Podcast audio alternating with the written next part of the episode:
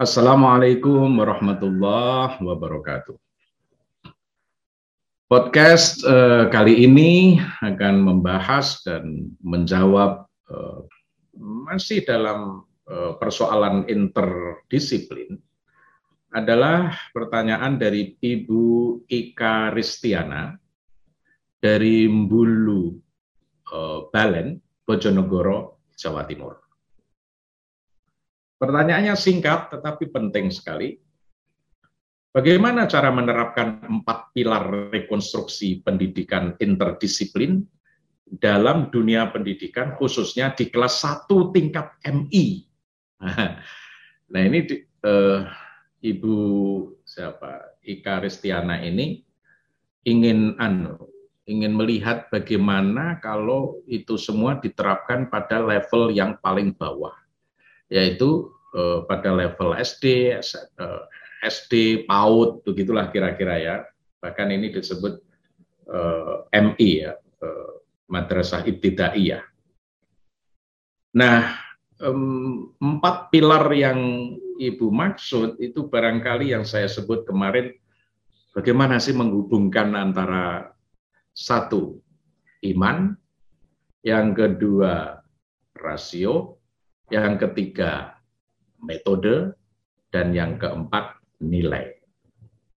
Nah ini ini empat pilar yang penting di dalam apa ya metode atau pendekatan yang disebut interdisiplin tadi itu. Itu ada empat ya iman, rasio, metode, dan nilai. Nah saya kira yang paling mudah, cara yang paling mudah eh, untuk menyampaikan kepada anak didik di tingkat yang masih sangat dini, uh, PAUD, apalagi SD gitu ya itu ya, ya itu pun juga di SMP juga nanti dikembangkan lagi di SMA dikembangkan lagi sanawiyah aliyah. Uh, saran yang paling mudah adalah apa ya mengambil contoh-contoh, contoh-contoh dari yang hidup yang dekat ya, yang terjadi dalam kehidupan masyarakat, yang dekat dengan kehidupan anak. Itu saja. Yang sangat dekat dengan kehidupan anak. Pilih contoh-contoh yang dekat dengan kehidupan anak. Saya akan memberi beberapa contoh saja, nanti bisa dikembangkan.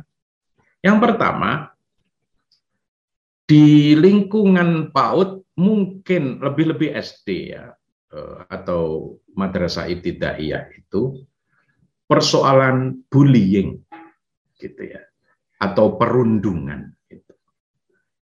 di sekolah ya.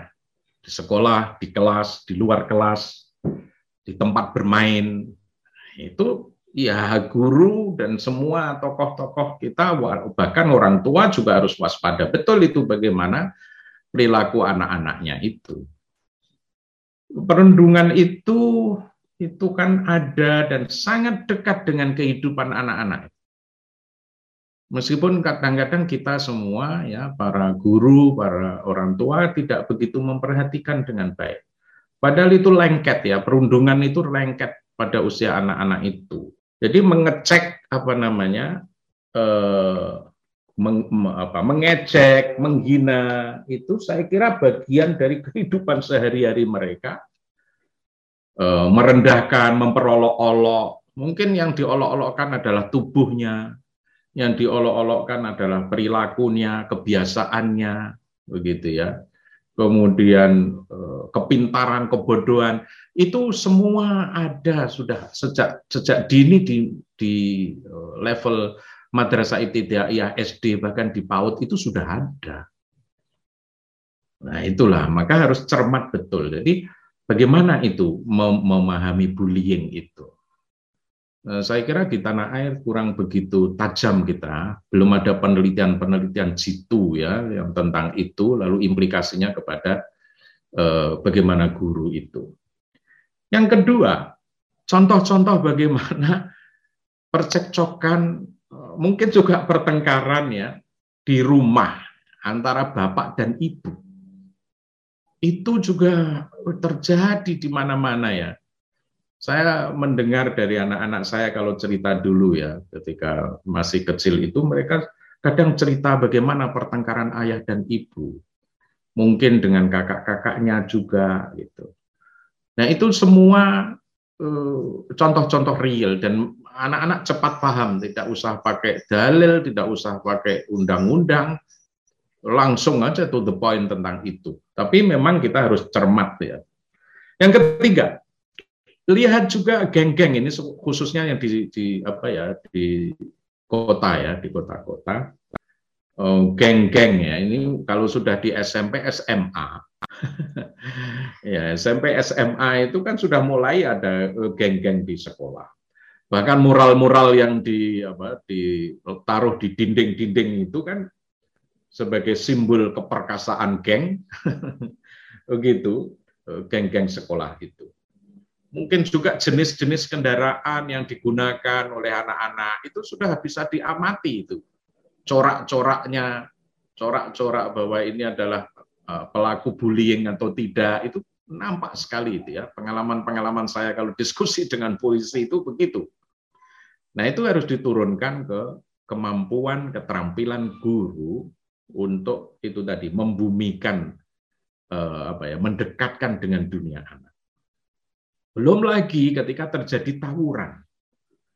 Waduh, mengerikan sekali tawuran antar pelajar begitu. Itu kan bahan yang sangat-sangat padat makna untuk dijelaskan kepada anak-anak bagaimana sikap mereka. Kegiatan ekstrakurikuler itu juga rupanya juga eh, bisa jadi disalahgunakan oleh kakak-kakaknya, oleh seniornya, Belakangan terjadi di Pramuka, saya kaget juga di Pramuka, oh, di mana ya kemarin itu? Di Ciamis atau ya? Itu untuk kenaikan menjadi ketua sangga saja harus harus nampar, harus kuat, harus tampar yang paling kuat ditampar. Nah itu begitu begitu itu kan kita semua harus paham betul akar-akarnya begitu ya sehingga kita bisa mengambil posisi guru, tokoh-tokoh masyarakat, semua ya tokoh-tokoh agama mengambil posisi yang tegas menghadapi itu gitu. Kalau enggak ya berat sekali dalam masyarakat multikultural itu. Nah, dengan kemampuan guru mengolah, jadi dari data-data yang dekat dengan anak didik tadi itu, lalu baru diberi perspektif bagaimana kalau dari iman. Jadi eh, apa dari ajaran-ajaran agama dari apa tata susila keagamaan, tata susila kemasyarakatan. Nah, itu baru diberikan. Ya, secara rasio juga harus diangkat juga dilatih berpikir ini keselamatan publik. Ini yang dipertaruhkan adalah keselamatan eh, apa ya pribadi, kenyamanan pribadi, kenyamanan publik, kenyamanan apa ketentraman publik moralitas publik, nah itu dari rasio itu. Nah itu pandai-pandai mengolah ya metode dan caranya ya ya bimbingan dan konseling, tetapi tidak hanya eh, di monopoli atau hanya ada di eh, guru bimbingan dan konseling. Eh, itu juga eh, tugas semua ya, semua guru, semua guru jangan dibebankan pada bimbingan dan konseling, tokoh-tokoh masyarakat, bahkan mungkin ketua RT RW itu juga harus diajak diskusi ketika menghadapi apa ya eh, apa istilahnya penyimpangan apa ya perilaku apa siswa begitu saya kira itu bisa diajak bicara ya. Nah nilai lalu diterapkanlah nilai-nilai itu bagaimana pembiasaan nilai-nilai yang baik gitu Nah, itu kan memang perlu berdialog ya dengan anak-anak itu ya sesuai kemampuan mereka. Nah, itulah kira-kira eh, cara ya, cara yang paling eh, mudah untuk melandingkan, membumikan apa empat pilar yang ditanyakan tadi, empat pilar eh, pengajaran atau pendidikan dengan eh, interdisiplin tadi itu. Demikian, eh, terima kasih.